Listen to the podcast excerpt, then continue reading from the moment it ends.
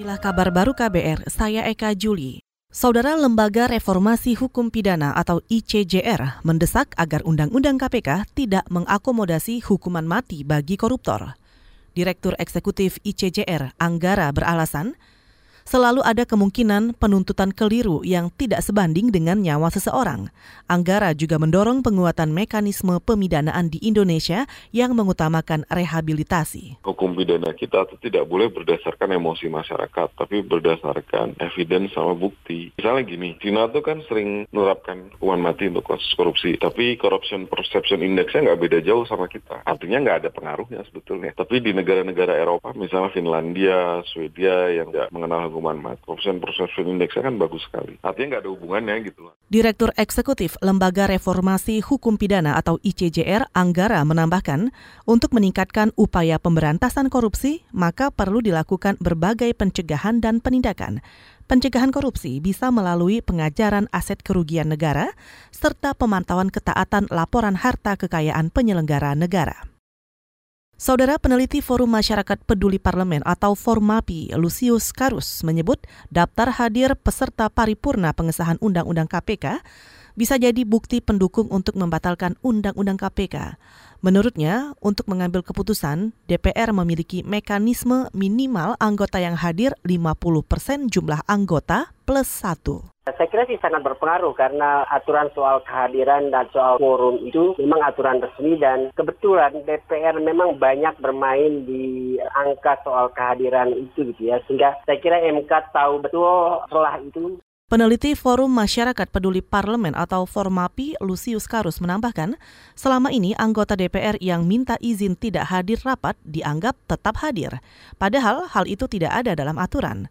Lucius juga mengatakan selain ketentuan formil yang harus dipenuhi, Undang-Undang KPK juga harus memenuhi ketentuan material. Menurutnya, materi Undang-Undang KPK harus disandingkan dengan Undang-Undang Dasar. Kuasa hukum aktivis Papua akan mempertimbangkan pelaporan perilaku bias Hakim Tunggal Agus Widodo selama sidang pra peradilan ke Badan Pengawasan Mahkamah Agung. Kuasa hukum aktivis Papua, Oki Wiratama, mengaku tidak terima dengan keputusan hakim yang menolak tuntutan pra-peradilan soal penangkapan mahasiswa Papua di Jakarta. Ada, tapi sayangnya sekarang KY memang tidak bisa memberikan sanksi tegas yang langsung kepada hakim.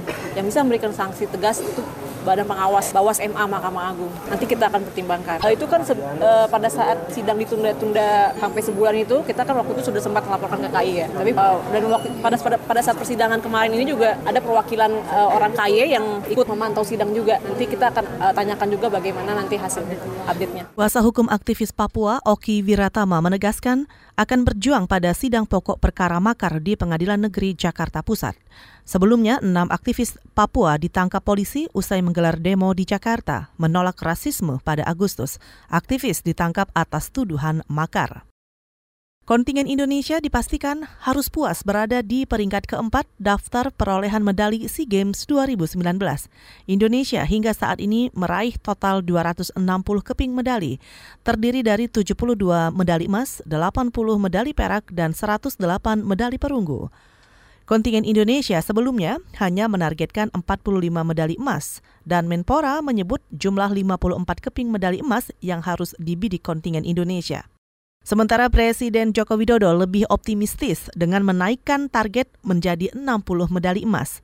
Hari terakhir SEA Games 2019 di Filipina tinggal menyisakan dua keping emas, yaitu dari cabang bola tangan pantai. Sementara itu, juara umum dipastikan akan didapat tuan rumah Filipina, diikuti Vietnam di urutan kedua dan Thailand di posisi ketiga. Saudara demikian kabar baru, saya Eka Juli.